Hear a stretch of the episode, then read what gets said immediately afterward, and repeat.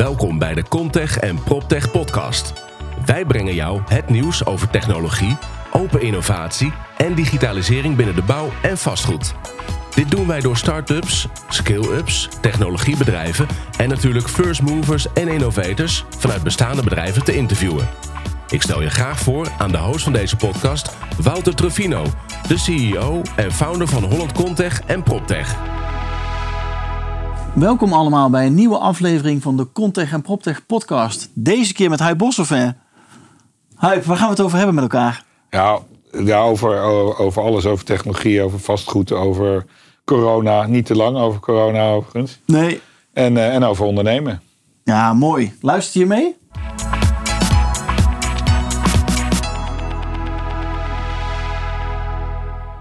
Welkom bij weer een nieuwe aflevering van onze podcast. Uh, Huip, ja. aan Nexum. Leuk dat je bij ons in het clubhuis bent. Ja, mooi om hier te zijn. Ik was hier nog niet, uh, niet eerder geweest, maar je bent er echt uh, behoorlijk op vooruit gegaan uh, hier, vind ik. Ja, het zijn wat meer vierkante meters, dus we kunnen wat meer dingen doen nou. Ja, ik zag dat je een hele mooie studio hebt en dat je ook bijeenkomsten kan organiseren over een tijdje weer. Dan mag dat weer, denk ik. Als we weer mogen, ja, precies. precies. Ja. Nou ja, die arena zit hier om de hoek, dus die moet ook een keer gevuld worden. Nou, als die gevuld wordt, dan moet dit ook kunnen. Nou, ik hoop dat je eerder uh, mag beginnen dan dat de arena gevuld mag worden. Hoor. Ik bedoel, dat duurt nog wel eventjes. Ja, ik hoop ja, het ook. Ik hoop het ook. Dan gaan we er niet de hele uitzending hebben over corona, maar laten we er toch eventjes mee beginnen. Deze, het is vandaag vrijdag 15 mei. Uh, de ontwikkelingen gaan natuurlijk super snel. Dus als dit wordt uitgezonden, nou, misschien ziet de wereld er dan alweer anders uit. Maar hoe ga jij om met jouw ja, annexum, ja, met de maatregelen die er nu genomen zijn? Wij zijn iets eerder in lockdown gegaan dan uh, Nederland. Want ik, ik zag aankomen dat er lockdown was en ik dacht van nou, laat ik het een keer proberen. Dus toen uh, kwamen we er onder andere achter dat we te weinig laptops hadden. Die kon je toen nog heel goed krijgen. En een paar dagen daarna was dat onmogelijk. Zo, dus we waren op tijd klaar. En ik vind nu ook weer, weer dat het tijd wordt om terug te gaan naar kantoor. Dus we hebben inmiddels deze week met de halve bemanning... Uh, ik heb het bedrijf in twee ploegen gedeeld. Uh, zijn we teruggegaan naar kantoor. Dus iedereen komt één of twee dagen terug. En ik denk dat we over twee weken uh, met een, uh, met, dat ik dan aan iedereen ga vragen om één dagje, vrij te, uh, één dagje niet op kantoor te zijn. Hoeft niet vrij te zijn, maar niet werken op kantoor. en, en dan gaan we gewoon weer open. Ja. Dan, ja, dan, dan met natuurlijk een corona-aangepast kantoor. Ja. Dus minder mensen in een, in een vergaderzaal en wat eenrichtingsverkeer hier en daar. Maar goed, ik merk dat mensen heel graag weer terug willen naar kantoor. Ja, het lijkt me. Ja, ja, nou ja, toch wel hè? Ja, ja, ja. Ja, ik mis ja. ook wel. Want wij zijn tien weken geleden volgens mij ook al begonnen. En je mist elkaar gewoon. Tuurlijk kun je contact hebben via Teams en via allerlei andere mogelijkheden. Maar het is toch ook wel fijn om elkaar af en toe te zien. Ja, goed. En wij, wij werken voor particuliere beleggers. En die zijn over het algemeen uh, van de babyboom leeftijd. Nou, die zijn nog niet zo heel erg handig met uh, een computer zijn we achtergekomen. Dus die laat je toch straks ook weer naar kantoor komen? Nou ja, die, dat zijn de mensen die in de risicogroep zitten. Ja, precies. Dus, uh, dus uh, die bijeenkomsten hadden we ook al lang geschrapt voordat heel Nederland uh, begon. Dat ik denk van ja, ik ga niet meemaken dat op een bijeenkomst van mij er doden vallen. Ik bedoel, dat gaan we niet doen. Nee, dat wil je niet. Nee. Nee. nee. nee zo kun je niet te boek staan. Nee, dat wil je niet. Hoe kijk jij aan tegen wat er nu gebeurt in, nou ja, qua, qua nou ja, maatregelen die genomen worden en wat we zouden moeten doen als Nederland zijnde? Ik vind op zich dat, dat de regering het goed aanpakt. Ik vind de maatregelen passend. Er is er één ding wat, ik, wat me wel echt irriteert. En dat is dat men niet gewoon open en eerlijk is over problemen. En dat er te weinig testcapaciteit was, dat was al duidelijk vanaf het begin. Dat, er mond, dat gedoe over mondkapjes zegt gewoon dat je er te weinig hebt. Ja. Want dan geef je ook ondernemers de gelegenheid om, uh, om iets te doen. Tussen de regels door kon je dit natuurlijk allemaal wel, uh, wel horen. Dus de mondkapjesfabriek is opgestart, uh, zag ik niet zo lang geleden. Ja. Maar ik vind... Had natuurlijk ik, sneller gekund. Ja, ik vind, we worden nu door, door politici, virologen, uh, ambtenaren, uh, beroepsbestuurders en uh, carrière-lobbyisten geregeerd. Maar ondernemers worden niet gevraagd om, om iets op te lossen. En in al die categorieën zitten geen ondernemers. Nee. Ja, wat zouden die kunnen doen? Wat zouden de ondernemers kunnen doen? Wat nou ja, kijk, bijvoorbeeld uh, een van de problemen die op dit moment nog niet genoemd wordt, maar waarschijnlijk over, uh, over een week of twee wel, is het probleem rond het openbaar vervoer. Want het probleem op kantoor is eigenlijk heel klein. Als ik kijk bij ons op kantoor, dan kunnen we gewoon uh, wat aanpassingen rondlopen. doen. En er zijn ook maar heel weinig mensen die je moet ontlopen. Hè. Ik bedoel, er zijn van de mensen die corona heeft, zal zal er 90% zal echt wel gewoon thuis blijven. Dus alleen die 10% zwakzinnigen, die, uh, die moet je ontlopen. Ja. Nou, die komen niet op het kantoor bij ons. dus, dus, dat... Nee. Dus dat denk ik, het risico op kantoor is niet heel erg groot. Als je je allemaal een beetje aan de regels houdt. En ik heb mijn mensen bijvoorbeeld gevraagd om even mijn lichaamstemperatuur op te nemen voordat ze naar kantoor gaan. Nou, dat is gewoon een kwestie van een thermometer naast je tandenborstel leggen. En iedere dag even 10 seconden je, je temperatuur opnemen. Klaar. Ja. Nou, dan, dan haal je de risico's voor een heel groot deel weg. En uh, ik zie dus ook dat wij, wij zijn over twee weken uh, eind mei zijn wij wel weer uh, gewoon op, operationeel op kantoor. Maar je zegt het OV, dat wordt misschien straks wel het probleem als we straks met ja, z'n allen weer naar kantoor gaan? Dat wordt natuurlijk een enorm probleem. Ik bedoel, kijk, de NS wordt geprezen om wat ze aan het doen zijn. Met het enige wat ze aan het doen zijn is de capaciteit aan het halveren. En die was al te laag. Dus ja, ja dat wordt straks gewoon dat wordt er een drama. Ja. Bedoel, maar stappen we dan met z'n allen in de auto? Ja, dat denk ik wel. En je mag ook niet carpoolen op dit moment. Zijn de regels van carpool ook nog heel strikt. Oké, ja, nee. Je mag niet meer dan twee mensen in de auto. Nou, dan denk ik, jongens, als je met collega's iedere dag bent, waarom, mag je, waarom accepteer je niet dat er vier man in een auto uh, zitten als het steeds dezelfde zijn, bijvoorbeeld? Ja. Ja, het is. Dat, maar goed, dat, dat zijn uiteindelijk details in, in alles wat er, wat er aan de hand is, denk ik. Ja. Ik bedoel, dus, ik, al, al, met al vind ik het oké okay, gaan. Het is natuurlijk een heel vervelende ziekte, die moet je echt niet krijgen. Nee. Daar moet je ook niet uh, laconiek over doen, vind ik. Wat sommige mensen natuurlijk wel doen. Uh, ja, dus... Ik denk dat bepaalde risicogroepen, die hebben, als je wat ouder bent, dan is het misschien vervelend. Maar die jongeren, ja joh, wat... Uh, nou, dat zou ik niet te snel... Ja, het risico is wel lager, maar er liggen ook op die C liggen ook jongeren. En we hebben, bij ons tennisclub is een van de spelers uit het eerste team, negen dagen op die C gelegen. Zo, dat is wel heftig. Ja, gewoon fitte gasten, ik denk een jaar of 35. Ja. Gewoon topfit. Maar uh, verkeerde windsportplaats uitgezocht. Ja, nou, die, uh, die, is, uh, die, die tennis niet dit jaar. Zo, nee, maar ja, negen dagen, dan moet je flink van Ja, dan ben je gewoon een jaar bezig om, uh, om weer terug. Dus, dus, en dat is gewoon een jonge, hele fitte gast. Dus ik vind niet dat we er te laconiek over moeten doen. Maar, en, maar aan de andere kant, als je gewoon uitrekent wat, wat de kans is dat er wat fout gaat, is het niet zo groot. Nou ja, en als je ziet wat de impact is op de, op de hele economie. Ja, die is natuurlijk enorm. Ja. ja. Die is niet normaal. Nee. Gigantisch. Nou ja. Gaan we er niet uh, te lang over hebben over corona. Natuurlijk is het een impact, maar we gaan het hebben ook over Enexum en over jou. Dus kun je wat vertellen over jouw achtergrond? Wat heb je gestudeerd? Waar heb je allemaal gewerkt voor Enexum? Ik heb uh, econometrie gestudeerd en bedrijfskunde. Ik heb tot mijn kandidaat econometrie en daarna huisartschool voor mannen, zoals ik het meestal omschrijf, bedrijfskunde. Ja. Ehm, ik ben daarna echt, echt als vervolg van mijn scriptie in de automatisering bij Ahold terechtgekomen. Daar heb ik drie jaar gewerkt. En, en, en, en, daar ben ik op een gegeven moment vertrokken en in de financiële wereld terechtgekomen. Ik heb alle hoeken van, van financiële dienstverlening wel ongeveer gezien. Ik ben begonnen als optiehandelaar, optie- en futurehandelaar op de, op de beursvloer in Londen. Oh. Met zo'n gekleurd jasje een beetje schreeuwen. Dat heb ik drie jaar gedaan. ik ben verantwoordelijk geweest voor de beleggingen van Zurich Verzekeringen en Zurich Leven. Daar deed ik alle beleggingscategorieën. Zo ben ik in het vastgoed terechtgekomen. ik heb nog heel even een, een uitstapje gemaakt buiten het vastgoed naar Rabo Securities. Daar ben ik verantwoordelijk geweest voor de handel in, in aandelen en derivaten. Voor Nederlandse institutionelen. En van daaruit ben ik toch, wilde ik, ik wilde eigenlijk al eerder het vastgoed in, maar toen kwam die baan bij Rabo langs en die heb ik toen genomen. Uh, en uh, van Rabo ben ik uiteindelijk heb ik wel bewust gekozen om vastgoed in te gaan. Ik, en ik ben een paar jaar heb ik in de directie van Vastnet gezeten. En daar ontstond het idee voor Annexum en dat is nu 20 jaar geleden. Leuk. Wat heeft er uiteindelijk toe geleid om dat, tot het idee te komen om Annexum te starten? Ehm, er waren, waren, twee dingen.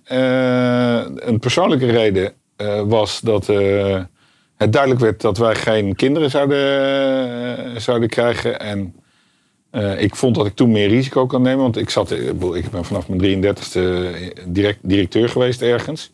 Dus ik heb alleen maar directiefuncties, of bijna alleen maar in directies gezeten. En dan verdien je, en hoe meer je verdient, hoe groter de stap wordt om ondernemer te worden. Ja. Dat is één. En twee was ja, de, het belastingstelsel veranderde in 2000 of 2001. En dat leidde ertoe dat dingen met een hoog direct rendement veel gunstiger behandeld zouden worden. En dat was dus. De, en vastgoed is zo'n product met over het algemeen een hoog direct rendement. Ja. dus, dus onze inschatting was eh, dat, eh, dat er meer mensen in vastgoedfondsen geïnteresseerd eh, zouden zijn. Nou ja, dat is wel een goede. Dat, dat eh, is ook wel gebeurd, denk ik. Maar ja, dan nog eens de overstap van een directe baan eh, als in een directiefunctie naar ondernemen. Dat is best wel een eh, pittige stap. Ja, ach- vond ik voor mezelf vijf jaar Ja, dat- geleden. Klopt. Je maar- zit wel in een, eh, een gouden kettingen. En om dan zelf te starten. Ja, gouden kettingen, ja. Als ik terugkijk naar mijn studententijd, toen had ik een heleboel baantjes. Ik had, op, ik had bijvoorbeeld eh 300 man voor maandwerk eh, in de souvenirverkoop op de TT in Assen. Om maar iets te noemen. Ik, eh, ik, bedoel, eh, ik was bedrijfsleider van twee shawarma tenten. Een, restaurant en een, en zo'n afhaal, broodjesafhaal. Ik, bedoel, ik deed allerlei, Ah, allerlei dingen. Ik ging er ook zwaar op achteruit toen ik, toen ik ging werken, financieel. Dus, alleen ja, in die tijd was het zo dat ja, was het eigenlijk normaal dat je, dat je als je afgestudeerd was, dat je in eerste instantie probeerde om bij een groot bedrijf in, in dienst te komen. Ja. Eh, ja, en dat, eh, bedoel, dat heb ik inderdaad. eh, die eerste baan ben ik drie jaar geweest. Toen kwam er weer iemand langs met een, eigenlijk een heel ondernemend idee. Dat heb ik toen gedaan. Dus daar had ik misschien in die tijd wat beter over na moeten denken. En wat, dan was ik wat eerder begonnen. Ja. Maar goed, ja, omdat ik inderdaad, die gouden keten speelt wel een rol. En naarmate je meer salaris hebt en, en, en ik het idee had, van, ik wilde heel graag kinderen hebben. Dat, eh, ja, dan wil je ook zorgen dat die kinderen in een omgeving komen waar genoeg geld is. Dus, dus was, was het niet zo voor de hand om erg veel risico te nemen. Nee, dan, Nou, toen dat niet, ging, niet gebeurde en dit idee er was, toen dacht ik van ja, nu moet het dan maar gebeuren. En ik ben er ontzettend blij mee dat het eh, zo gegaan is. Dus te laat, maar wel eh, mooi. Maar ja, nu al twintig jaar ondernemer. Mhm. Eh, wat is de belangrijkste les die je misschien als ondernemer eerder had willen leren? Want als ondernemer maak je ook altijd, nou ja, fouten misschien niet, maar je had je dingen misschien anders willen doen. Wat, wat zijn lessen? Nou, ik ben over het algemeen vrij voorzichtig. Eh, ik denk heel lang over dingen na voordat ik, eh, eh, voordat ik het doe. Dus er is, los even van de, de, de, de- maar het is inmiddels een, de, de tweede grote crisis die, die ik meemaak in, als ondernemer. Ja, die eerste was natuurlijk de financiële crisis. Ja, de financiële crisis. Bedoel, Deze is, is voor mij eigenlijk minder heftig dan de vorige. Omdat ik nu veel beter weet wat er, eh, eh, wat er gaat gebeuren. Wat er gaat komen. Ja, het is natuurlijk heel onzeker over hoe de wereld zich gaat ontwikkelen. Maar als ik kijk wat de lessen die we in de kredietcrisis hebben geleerd, kan ik nu heel goed gebruiken. Ehm, dus dat. eh, dus ik heb niet het idee, los even van dat er natuurlijk wel eens beleggingen niet goed gaan. Ehm, bijvoorbeeld als gevolg van de crisis. Ja. Heb ik niet het idee dat ik heel grote, eh, grote fouten heb eh, gemaakt. Ik zie het altijd als een, eh, ja, als een soort schaakspel. En ik zie het als iets met, met heel veel verschillende aspecten ondernemen. En, die moeten, en al die verschillende aspecten moeten ja, een beetje met elkaar in balans zijn. Ja. Dus dan wordt het een soort schaakspel en dan doe ik voorzichtig beweging in een bepaalde richting. En ik heb er altijd voor gekozen om, dat heb ik wel op een gegeven moment geleerd, dat had ik misschien wel eerder moeten doen, om een bepaald thema eh, te nemen. En toen, toen bleek dat we op een gegeven moment heel snel gingen groeien. Toen was dat thema control. Dus hoe krijg ik het onder controle? Nou, toen, ben ik gaan, en toen heb ik controllers aangenomen, bijvoorbeeld. Eh, systemen eh, geïnvesteerd in automatisering, zodat de processen beter beheersbaar werden. Nou, toen was de volgende, dat was een iets minder bewuste keuze, maar continuïteit. Want dat was de kredietcrisis. Ja. En nu is eh, focus op de klant ja, het dominante thema. En wat doe je dan? Dan breid je dus je, marketingafdeling uit. Ik ben inmiddels heb ik, eh, zeg maar, waar eerst de nadruk op sales lag, is nu marketingleidend geworden. Dus waardoor je veel meer informatie over klanten hebt. Ehm, we zijn, eh, we zijn Salesforce hebben we geïmplementeerd aan de kant van de particuliere belegger. En dat zijn we nu aan het implementeren aan de vastgoedkant. Aan de, in, in, in vastgoed is het woord klant nog bijna is nieuw. Ja. ja, dat is Het nieuwsbrief voor huurders is innovatie. Zo innovatief zijn we Ja, in het vastgoed. Ja. Ja, dus dat valt heel erg tegen. Maar goed, ik probeer dus aan alle kanten te kijken hoe je, eh, hoe je klantgericht eh, eh, kan werken. Hoe je, hoe je, en, en, en we zijn dus ook bezig om te kijken of we producten, eh, de verhuurproducten bijvoorbeeld kunnen verbeteren. En meer laten aansluiten op de wensen van, eh, van een huurder. Maar als ondernemer ben je om een beetje in de schaakspel te wijken wel aan zetten aan het maken. Maar speel wel met wit. Ja, Ja. ja, Ja, nee, absoluut. Ja, Ja. precies. We hebben wel het we- we- ja, je moet, ja, dat is wel een andere. Je moet, ehm, je moet wel zorgen dat je het eh, initiatief houdt. Hè. Dat is ook in, eh, eh, in, in onderhandelingen of in, eh, in gesprekken met toezichthouders. Of, het is wel ontzettend belangrijk dat je, althans vind ik, dat je zelf het initiatief blijft houden. Ja. En dat, ja, dat lukt wel aardig. Je hebt wel eens, met, eh, met, wel eens gezegd afstand te willen nemen van die traditionele vastgoedsector. Zou je daar eens wat meer over kunnen vertellen? Nou ja, goed, dat, dat punt van. eh, kijk, het is eigenlijk een wonder dat, eh, dat, eh, dat onze verhuurproducten dat die nog afgenomen worden. Ik bedoel, Wat bedoel je daarmee? Nou ja, heel, heel eenvoudig. Bedoel, bij kantoor is het het meest eh, duidelijk. Eh, dus de norm is nog steeds een vijfjarig huurcontract en dan krijg je een leeg kantoor.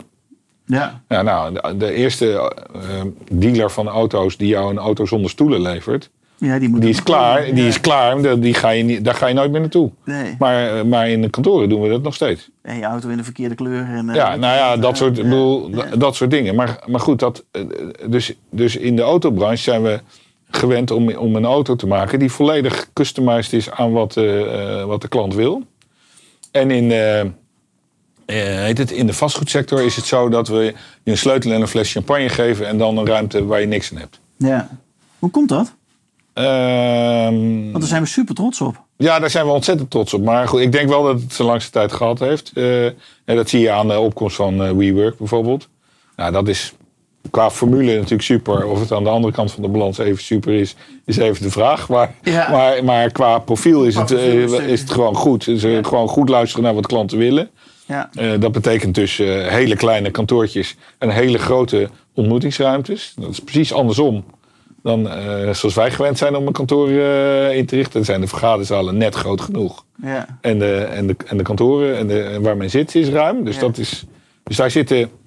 nou goed, en dit is niet alleen in kantoren. Dit zie je eigenlijk ook in, in de woningbouw. Is het nog steeds heel normaal dat je dezelfde woningen naast elkaar maakt.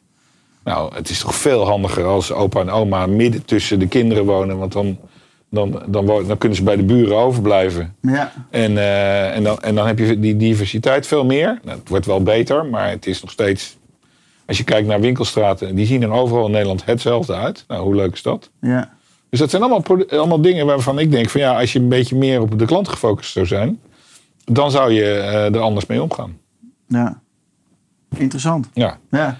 Gaan we dat nou straks al zien? Want je ziet natuurlijk nu wel dat de mensen wel wakker worden. Ook door, deze, door die crisissen die er geweest zijn. Of is dat ook door de financiële crisis? Is daar ook weinig veranderd? Nou ja, je zag eh, wa- wa- wat je bijvoorbeeld, en we hebben een eh, activiteit Flex Office, die, eh, waar je eh, een gemeubileerd kantoor kan huren eh, per maand opzegbaar. Nou, dat, eh, daar wilden de, eh, de financiers graag aan meewerken in de kredietcrisis, want er was heel veel leegstand en eh, dan komt er, tenminste worden. nog, komt er tenminste Dus nog iets binnen. Precies. Na de crisis is dat meteen weer verdwenen. Ja. Ehm, nou, nu zie je overigens dat, dat FlexOffice weer in trek komt. Want ja, dat thuiswerken met een paar jankende kinderen op de achtergrond is niet zo super. Nee. Ehm, dus als je een kantoortje om de hoek hebt, dan, eh, dan is dat wel fijn. Dan hoef je niet naar je kantoor toe. Want, dat, want we zijn er wel achter dat, dat zeg maar, eh, zeg maar digitaal vergaderen en presenteren... dat dat eigenlijk ook best goed gaat. Ja, dat gaat prima. Het moet niet alleen maar zo zijn, maar dat is goed genoeg. En eh, dat, dat gaan we de- denk ik meer, meer zien. En, ik denk dus dan, en, dan, en dan wil je een flex kantoortje hebben. Omdat, ja, omdat als je business verandert, dan moet je er ook weer vanaf kunnen. Ja. In hoeverre is het belangrijk om, om zelf technisch te zijn om succesvol een vastgoedbedrijf nou ja, te hebben of, eh, of te runnen tegenwoordig? Eh, nou, ik denk dat dat wel meevalt. Ik heb toen ik bij Ahold eh, werkte, daar zat ik aan de voorkant van de automatisering. Toen heb ik wel een aantal van die cursussen gehad. Eh, bijvoorbeeld de protocollen in, in datacommunicatie. En dan gewoon echt vanaf het zeg maar, de stroomstootjes tot hoe, je ze moet in, hoe, je, hoe je de informatie moet interpreteren. En alle lagen. Nou, dus ik heb wel eh, geleerd hoe, hoe je daarnaar moet kijken. Wat voor soort modellen je moet hebben. Nou, als je, maar ik denk dat dat wel voldoende is om eh, je een beetje het verschil weet tussen analoog en digitaal. En, en wat daardoor wel kan en niet kan. Dat lijkt mij voldoende om. Eh, Maar ja, toch zie je nu, ik heb laatst, eh, ik denk een jaar geleden een keer gesproken in Groningen voor eh, 400 vastgoedstudenten. Nou, de eerste vraag die ik dan stel als ik op een podium sta van jongens, wie kent de term proptech bijvoorbeeld? Ja, dan gaat er nergens een hand omhoog en dan denk ik, jongens, weten jullie wel iets van technologie af en hoe de wereld aan het veranderen is? Ehm, ja, Ehm, nou ja, goed. Kijk, ik denk dat ja, ik eerder dat het andersom zit. Ik denk dat, dat, de, dat de technologie eh, de verandering faciliteert.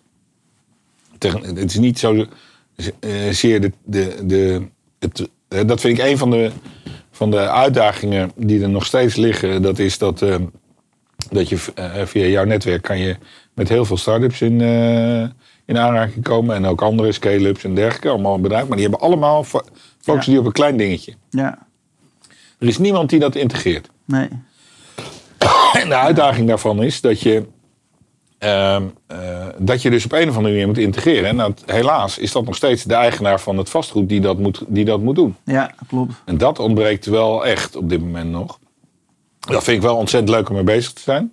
Maar dat is wel, eh, eh, wel lastig. Ja, dat is echt lastig. We hebben, denk ik, acht weken geleden in de start van corona, zeg maar, hebben we allerlei Zoom-calls opgesteld om eh, aan de start-up kant en aan de Ja. eh, real estate kant mensen bij elkaar te brengen. Toen ontstond er bij die tech kant echt wel een verbindingsmoment. van ja, we moeten samen doen, we moeten samen sales doen, we moeten kijken waar we nou ja, die twee eh, elementen aan elkaar kunnen koppelen, zodat we eh, nou ja, een betere propositie naar de Ja. markt kunnen brengen. Maar je merkt nu al dat het langzaam aan het wegreppen is en dat het toch weer ieder voor zich is. Dat is eigenlijk jammer.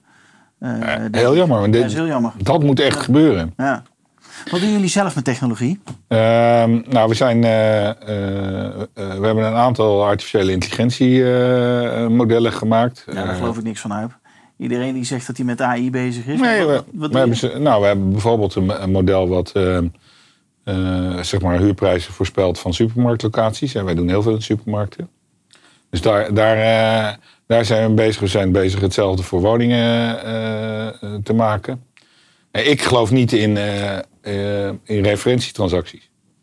We zijn hier in een prachtig mooi stukje Amsterdam Zuidoost. Maar als iedereen hier te veel betaalt, dan zegt de makelaar dat de huur klopt. Ja. En hoe doe jij dat dan? Met Nou ja, als je, dat, als je dus dat doet, als je, als je gaat kijken naar wat is de loopafstand, als je het over, over dit soort bedrijfsruimtes hebt, als je, als je kijkt hoe makkelijk is het bereikbaar met openbaar vervoer, hoe ver zit je van de snelweg af, eh, hoeveel mensen wonen er in de omgeving, wat voor bedrijven zitten er in, eh, in de buurt, eh, welke voorzieningen heb je. Maar die data die stop je allemaal in je... Die stoppen we in een model. Hè. Bij die supermarkten hebben we 25, nou, het zijn inmiddels 30 verschillende data. En dan moet je denken aan inkomens per postcode, Google Walkscore. Dus wat, wat voor voorzieningen zijn er op loopafstand. Hoeveelheid mannen en vrouwen, eh, loopafstand naar de dichtstbijzijnde concurrent. Dat soort dingen zitten erin. Eh, en daar Dat komt was een een... beetje wat wij gezien hebben in eh, Tel Aviv, herinner ik me. Dat lijkt erop, ja. Van, ja. eh ach, hoe heette die club nou? ja ik Eh, weet wie je bedoelt. Spacemaker? Nee. Ach, ach, dat was ook een gave club. Ja, Daar nee, maar, dat, ik maar, dat, wel, maar, dat- maar dat, dus, dus dat, en als wij dus een, een belegging binnenkrijgen, dan is het eerste wat we doen, is het door dat model halen. En dan voeden we de- overigens ook meteen het model. Je krijgt meestal ook de huurlijst, dus die gaat er, eh, die gaat er weer in. Dan hebben we extra data. Ja. En dan beoordelen wij of die huur klopt of niet. En, eh, en het aardige daarvan is, dat is helemaal niet zo moeilijk om dat heel nauwkeurig eh, te krijgen. Nou, ik ben hetzelfde op dit moment aan het doen met, met prijzen van woningen. Interessant. Nou, de- bedoel, daar geldt hetzelfde voor. En ik denk dat. kijk, wij, we hebben dus nu inmiddels een situatie bij, met, een, eh, met een van de grote retailers in Nederland. Waarbij de retailer zegt dat de huur te hoog is. En wij hebben nu gezegd dat we vinden dat er een betere bedrijfsleider eh, in de winkel moet. Want dat er volgens ons gewoon die omzet eh, er wel is. En die zij er niet, op dit moment niet uitkrijgen. En we weten dat het verschil tussen een goede en een slechte bedrijfsleider soms 10, 20 procent van de omzet is. Dus ook iets dergelijks in de huur. Ja. Ja, dat is wel gaaf. Hoe Ja, wordt dus- erop gereageerd door jouw klanten? Ja, die vinden dat... Ze ma- dat? Of vinden ze dat moeilijk? Of, nou, eh, ja, die moeten, als je het uitlegt zoals ik het nu uitleg, dan begrijpen ze het wel een beetje. Ja. Kijk, het zijn acht algoritmes waar we een soort gemiddelde van nemen. Ja, daar moet je het niet, eh, niet over hebben. Kijk, ik heb ooit, eh, zoals ik net zei, econometrie gestudeerd. Dus ik Ja, vind het wel dus leuk. ik vind het wel leuk om zo af en toe eens voor mijn lol eens te kijken hoe zo'n algoritme in elkaar zit. En dat was wel weer even, overigens, even, even aanpoten. Even oppakken. Ja, ja, goed. Ik heb mijn eh, oude econometrieboeken heb ik nog. En eh, toen ik de laatste keer verhuisde, dus sloeg ik ze open. En eh, echt geen idee wat er stond. Echt helemaal geen idee. Ja. Toen dacht ik van, nou, ik neem die brief, boeken toch mee. En dan ga ik nog een keer op pagina 1 beginnen. Dat ga ik dus niet meer doen. Ik kijk ze af en toe op Coursera of zo. Kijk ik een, een AI, zo- zo'n AI-klasje van eh, zeg maar zes weken of zo. En dan twee uur per, per week. En dan legt iemand uit eh, hoe je nou, deep learning modellen in elkaar zet. Nou, dat probeer ik dan een beetje te kijken. Maar Huip, zo onderscheid jij natuurlijk wel enorm van al die andere vastgoedprofessionals. Want ik zie niet heel veel mensen in vastgoedland Nee, maar je hoeft het, nee, maar je hoeft het niet. eh, Je hoeft, dat is ook niet nodig. Ik bedoel, ik, ik doe dat om. eh, ik deed dat eigenlijk omdat ik, omdat ik wilde weten wat het was. Ja. Wat zou jouw tip dan zijn naar de vastgoedsector? Wat moeten ze doen? Eh, gewoon, eh, eh, wat, je, wat je het beste kan doen is gewoon een paar van die gasten in dienst nemen. Ja. Als je onder, onderneming groot genoeg is, dan zou ik er gewoon twee of drie in, in dienst nemen en gewoon zeggen, ga je gang maar. Geen, Zo vrij. geen, ik zou ze volledig vrij laten. En en, en laten proces rapporteren aan de hoogste baas. Ja. Dus aan de algemeen directeur laten rapporteren. Want dan, ja, en, en dan mogen zij. Dan, dan moet je natuurlijk wel iets coördineren aan, eh, aan, wat ze wel en niet eh, doen. Maar ik heb. eh, op een gegeven moment heb ik zo'n club erbij gehaald. En, en toen hebben de medewerkers besloten welke, welke, welke modellen we zouden gaan maken. Dat heb ik niet zelf gedaan. Want ik was in eerste instantie. had ik zoiets van: moeten we dat wel doen, zo'n supermarkthuur? Kunnen we niet beter iets anders maken? Maar ik ben blij dat we het gedaan hebben. Ja, gaaf. Heel Ja. gaaf. Ja, super inspirerend. Nou ja, even do doorborduren op die proptech. Biosecurity, gezondheidsissues zijn natuurlijk nu wel een, eh, een hot thema. Zijn jullie ook van plan om proptech daarvoor in te zetten? Technologie? Nou, daar hoop ik eigenlijk dat er oplossingen komen. Want daar is, als er nou ergens het probleem van de integratie zit, dan is het wel hier. Ja, want we hebben eh, in het kader van duurzaamheid hebben we op een gegeven moment, dus jaren geleden, hebben we CO2-jaarrekeningen van gebouwen gemaakt. En dan kwam het zo af en toe voor dat de koeling en de, het temperatuurbereik van de koeling en de verwarming, dat hebben we in twee gebouwen gezien, dat die over elkaar heen zi- eh, zaten. Dus dan blijven ze allebei werken. Ja, lekker, Voortdurend. Is het lekker, lekker koude lucht in Eh, blazen? dat- ja, ja, ja, Eh, ja. dat is niet goed. Dat scheelt. heel eh, eh, en wat je dan ziet is dat. eh, kijk, überhaupt vind ik eh, dat we heel raar bezig zijn eh, als mensen.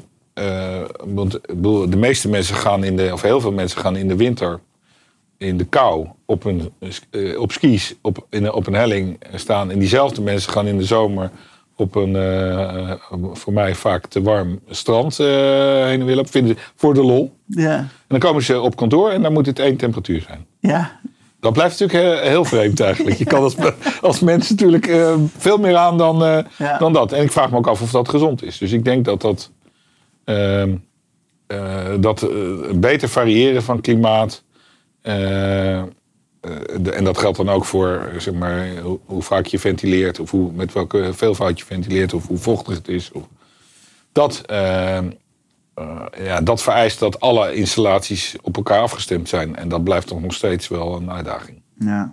Nou, mooi. Wat voor rol speelt duurzaamheid in jullie eigen beleggingen? Niet zo vreselijk veel. Ehm, ik vind duurzaamheid een van de, ehm, eh, van de dingen die, die eigenlijk een, een, normale, een normaal iets zouden moeten zijn. En net zo goed als we, ehm, nou wat is het, twintig jaar geleden had iedereen het over kwaliteit. Nou, daar hoor je nooit meer iemand over. Ja. Eh, datzelfde denk ik dat dat... Regen. Ja, zure. Nou ja, goed, dat is natuurlijk. Je kunt dan ook nog.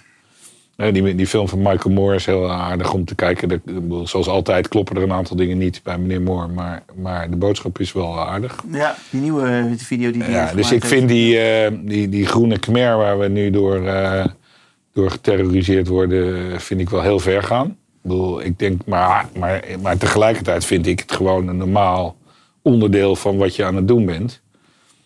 Eh, en eh, je zult dus bij ons op de site ook niet heel erg veel.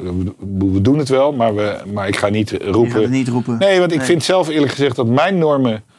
eh, als je nou werkelijk wat, wat aan duurzaamheid wil doen, moet je bijvoorbeeld niet een kantoor verhuren aan iemand, aan een organisatie, die als gevolg van die verhuizing meer vervoersbewegingen krijgt. Nou, dat gebeurt echt heel regelmatig nog steeds. Ja, ja, ja. Ja, ja, want dan, ik bedoel, wat, ja, waar leg je de grens? Ja. En dan kun je wel, ik, bedoel, ik vond eh, die Edge eh, van eh, Deloitte, Ja. dat was niets duurzaams aan, vond ik. Ja, Want, want, want, wat deze, ik bedoel, ze gingen van, ze, ze lieten 10.000 meters achter Ja, en, en gingen naar het duurzaamste gebouw van, van de wereld. Nou, in een tijd dat er, eh, dat er een overcapaciteit aan kantoren was. Nou, ik vind er niks duurzaams aan eh, Nee, iets bouwen, waar je, al, bouwen waren- waar je al te veel van hebt. misschien waren de stenen waren duurzaam, maar het gebouw... Ja, nou, dat- ik vind dat niet- ik vind dat niet duurzaam. eh, Dus-. Dus ik vind dat je, ja, je- ja we moeten met z'n allen zorgen dat, eh, dat die klimaatverandering, eh, eh, die, die verwarming van de aarde stopt. Ja. Dat is niet goed. Ik snap ook die CO2, eh, maar we, maar we eh, schieten wel heel erg door op dit moment. Ja. Ehm, en dan ik vind dus, en als je mij vraagt wat doe je er dan zelf mee? Ja, wij hanteren de normen. En wij, kijk, natuurlijk mag je verwachten dat een gebouw wat nu gebouwd wordt aan alle normen voldoet. Maar dat is altijd zo geweest. Ja. En dat is dus ja. Ik bedoel, de meest duurzame gebouwen zijn de, zijn de grachtenpanden in Amsterdam. ja, die staan al Maar daar zitten al die dingen niet in hoor. Nee, maar die staan er al heel En, die, en, dat zijn, eh, en daar willen mensen graag zitten. En eh, daar zitten die installaties helemaal niet in. Daar doe je gewoon het raam open als je frisse lucht nodig hebt. Ja. En, daar- en, daar- en daar worden mensen helemaal blij van. Dus ja, ja. Wat hebben we nou nodig? ja, ja. Ja, super interessant. Even een volgende vraag. Eh, welke preventieve maatregel is het is goed om als bedrijf te treffen om ervan verzekerd te zijn dat je eh, nou ja, relatief crisisproof bent? Wij hebben eh, in 2007, eh, toen zagen we aankomen dat er dat de kredietcrisis. Ik wist niet dat de kredietcrisis zou komen, maar ik, ik, ik- met mijn sommetjes klopte niet meer. Eh, de gebouwen waren te duur of de rente was te hoog, maar of allebei. Eh, toen hebben we heb ik naar mijn eigen eh, geldstromen gekeken en toen hebben wij de doorlopende inkomsten in, in, in lijn gebracht, of de doorlopende kosten in lijn gebracht met de doorlopende inkomsten. Dus ik ben 20% kleiner geworden voordat de kredietcrisis begon. En, en dat hebben we nu, eh, sinds die tijd eh, heb ik dat. Nou, dat is wel luxe aan het feit dat je, eh, dat je, fond- dat je beleggingsfondsen maakt. Ik heb ook, ge- we hebben geen, we maken van geen enkele steunmaatregel gebruik op dit moment. Ja, lekker. En dat gaan we ook, blijven we ook, blijven we ook doen. Ja. Ik zou denk ik wel, kijk, natuurlijk missen wij een heleboel omzet. Dus, dus ik spreek ook mensen, heb ook mensen gesproken uit vastgoed. Waarvan ik die wel gebruik hebben gemaakt van die regels. Maar waarvan ik denk van ja, had je dat nou wel echt nodig? Ja. Ik vind dat niet oké. Als je dat, nou, dat die steun is er voor bedrijven die in de problemen zitten. Ja. Wij zitten niet in de problemen. Eh, we missen natuurlijk wel heel veel omzet. Ik bedoel, eh, mijn, mijn plaatsing van fondsen is natuurlijk gewoon een stuk minder geworden. Het is in ieder geval even stilgevallen. ja. Dus, dus ik had best kunnen, kunnen doen. Maar, Maar dat is dat dan eh, omzet die je mist of is dat nieuwe omzet die je er graag bij had willen hebben? ja, dat is nieuwe omzet. Ja. Dat is omzet die. Ja, Ja. Dat is, eh, ik bedoel, eh, Want je moet eigenlijk voor die nauwe regeling natuurlijk minder omzet gaan maken. ja, dan, maar, ik- eh, ja, maar ja, goed, maar dat maak ik. ik bedoel, als ik gewoon een jaar geleden kijk, toen waren we fondsen aan het plaatsen. Toen kwam er, eh, kwamen er allerlei eh fees kwamen er binnen. Ja, die komen nu niet Nee, binnen. niet die binnen, ja, precies. Ja. Nee, dus, dus ik vind ehm, eh, het onderscheid tussen, ehm, eh, tussen zeg maar eenmalige inkomsten en doorlopende inkomsten is ontzettend, eh, eh, ontzettend belangrijk. En je ziet bij vastgoedbedrijven. Ik ben nu bijvoorbeeld met een projectontwikkelaar in gesprek die zegt van nou een deel van onze projecten wil ik eigenlijk geheel of gedeeltelijk eigenaar van blijven. Omdat, één, omdat ik vind dat we goede producten maken. Ja. Ehm, maar ook omdat ik op die manier een kaststroom wil opbouwen. Die, die terugkomt. Die ook als we, keer, als een keer, ik noem wat, een bouwstop komt. Ja, eh, niet, dat, ik eh, omstellen- dat, er- dat, er nog, eh, dat er nog inkomsten zijn. Ja. Dus dat is heel belangrijk. Bij makelaarskantoren zie je dat ook. Hè. De, taxaties lopen nu gewoon door, maar de transactiepraktijk is toch even stilgevallen. Ja. Nou, als je dat naast elkaar hebt, of je beheerpoot, als je dat naast elkaar hebt, ja, dan, heb je minder, dan ben je minder kwetsbaar voor, voor dit soort crisissituaties. Ja, dus toch meer, eh, meerdere elementen aan je bedrijf toevoegen. Dat is eigenlijk een beetje wat... Ja, spreiden van risico is natuurlijk. eh, ja. Ja, ja. Nou ja, dat is, dat is een van de dingen die ik ergens op een gegeven moment. eh, bij, bij de fondsbeheerders zie je dat ze bijna allemaal, of in, zeker in het verleden, de, de beheerders die nu nog over zijn, die, doen dat, die, die hebben wel een spreiding in producten. Eh, maar er waren er een heleboel die alleen kantoren deden, of alleen winkels, of alleen woningen. Nou, Ja, alleen woningen, dat, is, dat gaat goed, maar alleen winkels en alleen kantoren is in beide gevallen als er eh, iets gebeurt, moeilijk. dan... eh, ja. moeilijk. Ja. Dus, dus dat, ik heb op een gegeven moment eh, gedacht van ja, als spreiden van risico's goed is voor beleggers, is het misschien ook goed voor beheerders. Ja. Nou, daar, daar gaat het over. En daar kun je echt meer aan doen als, on- als ondernemer dan je denkt. Het gaat wel ten koste van, want dat is dan altijd de uitdaging. Eh, als je als projectontwikkelaar het gebouw zelf houdt, verdien je natuurlijk minder. Want je want maakt niet die klapper op, op eh, je, je ja. maakt niet die klapper eh, eh, van de winst. Maar je houdt wel een kaststroom over. Ja. Nou, daar moet je volgens mij een balans in, eh, of het is goed voor een bedrijf als je daar een balans in vindt. Ja. Wat voor vaardigheden zijn er dan nodig volgens jou om dat bedrijf door zo'n crisistijd heen te, te loodsen? Nou, het belangrijkste is dat je niet in paniek raakt. Dat je gewoon rustig blijft nadenken. En dat lukt niet iedereen, maar Nee. Ik heb wel zeker in de kredietcrisis, nu is het veel eh, minder. Nu merk ik ook bij mijn mensen, zeker ook de mensen die er toen al zaten, dat ze eh, veel minder onzeker zijn. Maar ik ben zelf ook veel minder onzeker, omdat ik gewoon weet wat er gebeurd is. Maar in de kredietcrisis was om mij heen van tijd tot tijd het hele bedrijf in rep en als het maar goed gaat en, eh, en dit doemscenario en het volgende doemscenario. Maar je moet gewoon door blijven bewegen. Ja. Zeker in vastgoed, dat is iets van de lange termijn. Ja. Dus het gaat niet meteen fout. Ja. Natuurlijk, als, eh, als er een grote supermarktketen failliet zou gaan, of, bedoel, of, of je ineens leegstand krijgt doordat er twee fuseren en een heleboel winkels niet meer nodig hebt, ja, dat is vervelend. Ja. Maar als je je risico's goed gespreid hebt en je verschillende inkomstenstromen hebt, dan heb je ook de tijd om het op te lossen. Want daar gaat het altijd om. ja, en als je die tijd dan nuttig gebruikt door dingen te gaan doen. En als je dan gewoon doorgaat, ja, dan ben je gewoon. Ja, we zagen wel een verschil in het netwerk. Sommige mensen die zitten toch in de angst in het begin.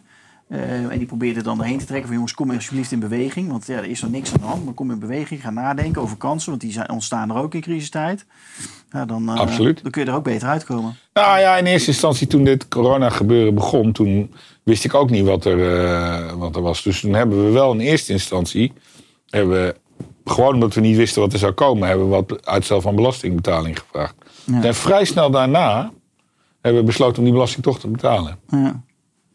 Omdat, eh, om, omdat, omdat toen duidelijk werd, toen, eh, nou, het was na twee weken of zo, toen, werd- toen werd duidelijk van, nou oké, eh, het is niet zo dat iedere derde Nederlander inmiddels corona heeft. Ja. En er vallen niet massaal, er vallen natuurlijk veel te, er overlijden veel te veel mensen. Ja. Maar, maar het is niet zo dat je op iedere hoek van de straat. nee, de bodybags ziet liggen. ja, bodybags ziet liggen. Dat is niet aan de orde. Ik bedoel, het, is heel, het is heel terecht dat er, dat er ingegrepen is overal in de wereld. Maar het is, het is, ja, het, het, is redelijk onder controle. Ja. Vooralsnog, althans. En dus dat, ehm, ja, toen, ik bedoel, eh, to- eh, toen eh, het beeld duidelijk was, heb ik eh, gewoon gezegd van, nou, dit, eh, trek al die uitstel maar in. We betalen gewoon en, eh, ja. en we gaan gewoon door. Ik bedoel, eh, ja. Dan doe jij natuurlijk heel veel in de supermarkten en in de winkelgebieden ook, onder andere. Eh, wat zie je daar als de verandering straks eh, eh, plaatsvinden? Nou ja, kijk, Die supermarkten die gaan natuurlijk als dieren. nou, ja, die gaan goed.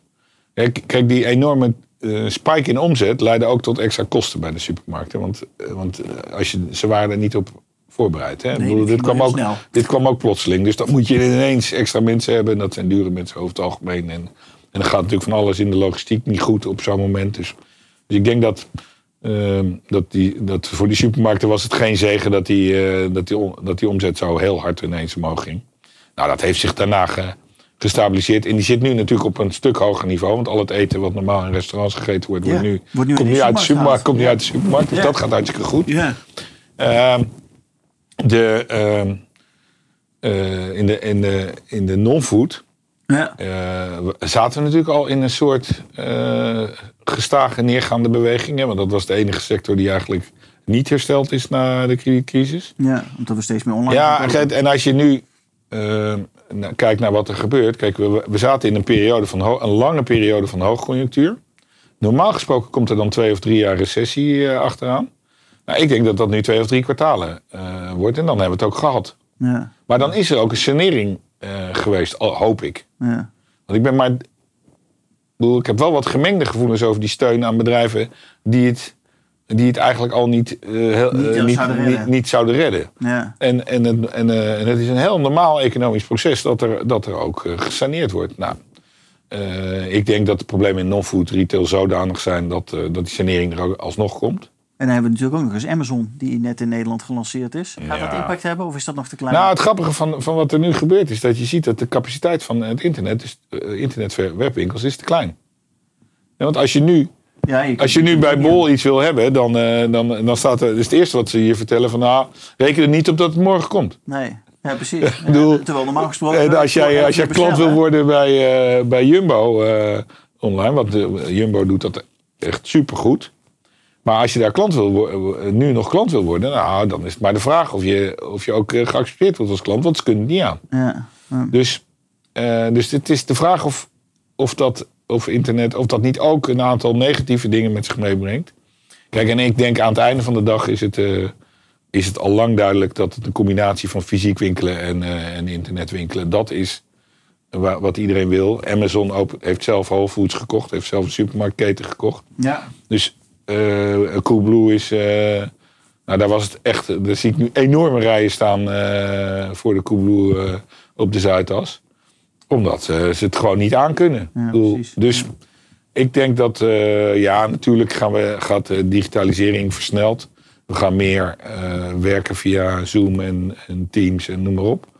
Er zijn natuurlijk mensen die nu wat. De, het, het- geeft wel een impuls aan internet verkopen. Maar ik denk niet dat, die, dat, dat dit de doodslag is voor, eh, voor fysiek winkelen. Want eh, En kantoren dan? Gaan die kantoren, gaan we die weer helemaal vullen met mensen? Of gaan we toch meer mensen, wat jij net ook al zei, één dag in de week thuiswerken? Dan heb je minder vierkante meters misschien. ja, ik denk dat we wel eh, dat, dat bij kantoren we wel minder vierkante meter. En wat nog veel interessanter is, is de reistijd wordt nu belangrijker. Want, het, want daar zit het, het probleem nu. En dat is voorlopig niet weg, dat probleem. En wat bedoel je daarmee? Dat, Nou ja, hoe ver je van kantoor af- Je wil Of, dichter bij je kantoor. Ja, je wil, ja je, of, er zijn dus twee mogelijkheden. Je gaat dus of dichter bij je kantoor wonen. Of je, Of kantoor gaat eh, naar jou toe. Ja. Dus dat is nog wel, eh, dat wordt nog wel een, eh, interessant om te kijken wat, wat daar gebeurt. En de kantoor was al zich aan het ontwikkelen richting ontmoetingsplek en dat gaat gewoon door. Ja. Dus ja, ik, het zou kunnen dat er minder kantoren komen.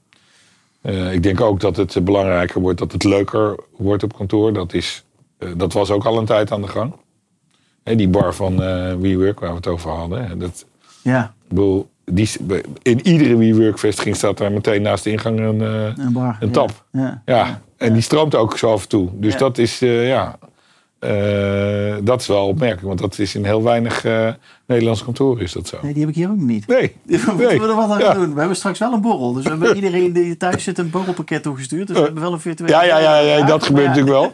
Nee, maar goed, maar dat is wel... ehm, ehm, wij, wij borrelen ook op kantoor. Ik bedoel, ik heb, nu, ik heb een kantoor wat boven een café zit. Dat was ook altijd al jaren een wens om eh, een kantoor boven de kroeg te hebben. Dus, dus wij, wij, Dus naar beneden lopen. we nemen en, één eh, drankje en dan zakken we af naar beneden meestal. Ja. Maar eh, je ziet dat dat... eh, eh, ja, dat gaat wel iets doen met, eh, met kantoren en het gebruik daarvan. Ja. Of ze zoveel kleiner worden, daardoor vraag ik me af. Ja, je wil ook wel die ruimte dan beschikbaar hebben om dan die leuke dingen te kunnen doen. Ja, en, en, en wat je dan hebt, is dat je, dat je dus verschillende eh, dingen aanbiedt op kantoor. En, de, en eh, ja, dan moet er misschien, eh, weet ik veel, een tafeltennistafel staan of een, een pingpongtafel of whatever. Ik bedoel, eh, ja, of, of, eh, of eh, gewoon wat gemakkelijke stoelen, waar een bankstel waar je lekker kan zitten. Ja. En daarvan zie je dan dat, dat, dat de ene keer het bankstel gebruikt wordt en de andere keer het bureau. Ja. Of de volgende keer de, de, de, de tafel waar, met, met meerdere stoelen eromheen. Dus ik denk dat dat. Je weet je, kantoren is. is eh, de kosten van kantoren zijn 5 tot 10 procent van de loonkosten. Dus dat is nog steeds niet echt iets waar, wat nou echt heel erg Nee, eh, helpt om daar enorm op te bezuinigen. nee, nee, nee, dat klopt. Oh. Interessante ontwikkeling. Ja, Hey, dan ga je elk jaar naar South by Southwest Ja. om de nieuwste trends te zien. Dit Ja. jaar? was het niet. Nee. Nee, dat heeft heel lang geduurd, want ze wilden ze heel laat hebben ze het pas eh, gecanceld. Ik had tegen mijn maatje, waar ik altijd mee ga, had ik eh, eh, al voordat eh South by zelf het cancelde, gezegd: ik ga niet. Ik vind het niet oké dat wij dat. En want Sou- South by is een fantastisch evenement, maar er komen 200.000 mensen werkelijk van de hele wereld bij elkaar. En het is één krioelende mierenhoop daar. In Austin, Texas. Dus als, daar, ja, als, als dat was doorgegaan, dan was dat een drama geworden. Een coronadrama van echt ongekende eh, Ja. omvang. Eh, ze zijn wel online eh, wat dingen aan het doen. Ik bedoel, eh, dus... ehm, maar het is wel jammer dat het, eh, dat het niet is, is doorgegaan. Want het is... eh, ja, dat is dan ook weer zoiets wat je echt... Eigen, ik bedoel, je kan het digitaal doen. Eh, en, en dat werkt ook wel. Maar van tijd tot tijd moet dat ook wel, eh, wel eh, fysiek. Dus ook, daar moet, ook daar moet je de combinatie van beide hebben, denk ik. Ja, dan heb je daar een van de dingen waar je ook mee bezig bent, is tokenization. Ja. Hoe is jouw kijk daarop van de tokenization op vastgoedgebied? Nou, we, zijn bezig... was het echt helemaal hip om iets met blockchain te doen wellicht. Uh, hoe, hoe, is die ontwikkeling gegaan? Ja, blockchain is wat mij betreft nog steeds een technologie op zoek naar een, toe, naar een toe, uh, toepassing. Ja. Uh, dat lijkt toch nog steeds zo te blijven. wij zijn bezig met een, met een platform om, ja, om, om zeg maar kleine beleggers ook de, de, de, kans te geven om, om in vastgoed te beleggen. Nou, daar, daar, daar, daar, eh, dat zouden we in eerste instantie eh, met blockchain uh, doen.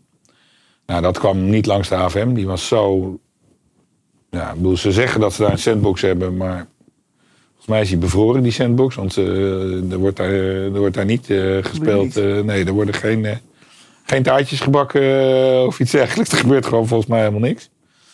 Ehm, dus toen hebben, we, toen hebben we gezegd, nou dan doen we het zonder. En dat zijn we nu, uh, zijn we nu aan het voorbereiden. Dat zou live, dat is uitgesteld uh, vanwege uh, nou, het gedoe wat er allemaal is gekomen. Maar ehm, kijk, en aan de andere kant, ik maak al twintig jaar fondsen waar je met participaties ja, vastgoed kan kopen. dus uh, ja, dat, dat, dat noemden we toen geen eh, tokens, maar dat heette toen participaties. Ja. En dat heet, nog steeds participatie, maar wij mag je het token noemen. Uh, wat is het verschil dan voor jou, wat jou betreft tussen de participatie en de Nou ja, kijk, als je, als je kijkt naar blockchain, dan, dan is dat natuurlijk een, een uh, is het mooie van blockchain dat het een decentraal systeem is. Ja.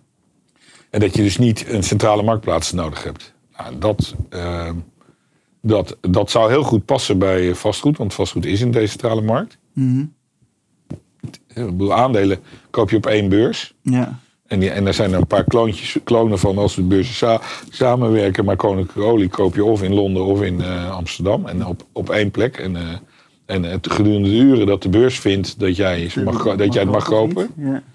Uh, bij vastgoed uh, is, heeft natuurlijk ieder gebouw heeft zijn eigen eigenaar, zijn eigen architect. Zijn eigen, uh, zijn het uh, duizenden notarissen die de transacties doen. Dat gebeurt, dat gebeurt al decentraal. Ja. Dus als er ergens een markt is waar dit zou kunnen werken, dan is het vastgoed. vastgoed. Het enige, nou, notarissen spelen hier een vrij cruciale rol in. En die zijn nogal beperkt door wat ze juridisch mogen. En kletsen er wel heel veel over, maar doen er niks aan om het te veranderen. Of heel weinig eraan om het te veranderen. Dus ik denk dat daar, uh, daar wel kansen liggen. Uh, of, of, dat nou werk, of er nou werkelijk zo'n enorme behoefte is om, uh, om, om uh, door technologie ondersteund blockchain te implementeren om participaties heen en weer te klingen, vraag ik me af. Ja. Nou ja, dat, uh, ik ben benieuwd. Het is natuurlijk wel een hele diverse markt met heel veel notarissen die dan daar iets in gang moeten gaan zetten wellicht. Nou ja, goed, er zouden ook gewoon een paar notarissen kunnen zijn die het gewoon doen. Nee, maar, maar, maar, maar, dat, uh, kijk, blockchain zie ik wel. Uh, Kijk, wat, wel een enorme verbetering zou zijn, is als je niet iedere keer weer dezelfde due diligence moet doen bij iedere transactie. Als je kan profiteren van de due diligence van de anderen. En als je weet dat er niet mee gerommeld is, is dat door, doordat blockchain dat afdekt, ja. dan denk ik dat dat wel goed zou kunnen werken. Ja, denk ik ook. Ja. Nou, Huip, we gaan hem afronden. Dankjewel dat je hier bij ons in het clubhuis was. Ik hoop snel dat ik je ook weer een hand kan geven. Dat we ja, ja, ja, ja, ja, En een biertje met elkaar kunnen drinken. Uh, maar dat gaan we snel doen als het weer, uh, als het mogelijk is. Lijkt me goed. Goed plan. Dankjewel. Fijn weekend alvast. Ja, iets gelijk.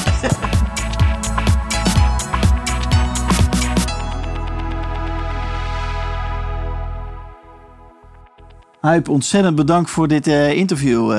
waar kunnen mensen, als ze nou wat over Annexum willen weten, naartoe? Nou, we zijn heel actief op social media, zeker. En dat houden we ook, houden we ook vol. We kunnen natuurlijk naar de, naar de website en de Blauwe Engel beneden ons uh, kantoor is binnenkort ongetwijfeld ook weer open. Dus uh, daar zijn ze ook van harte welkom. Ja. Nou, dat gaan we doen. Dan gaan we mensen daar naartoe sturen. Dankjewel.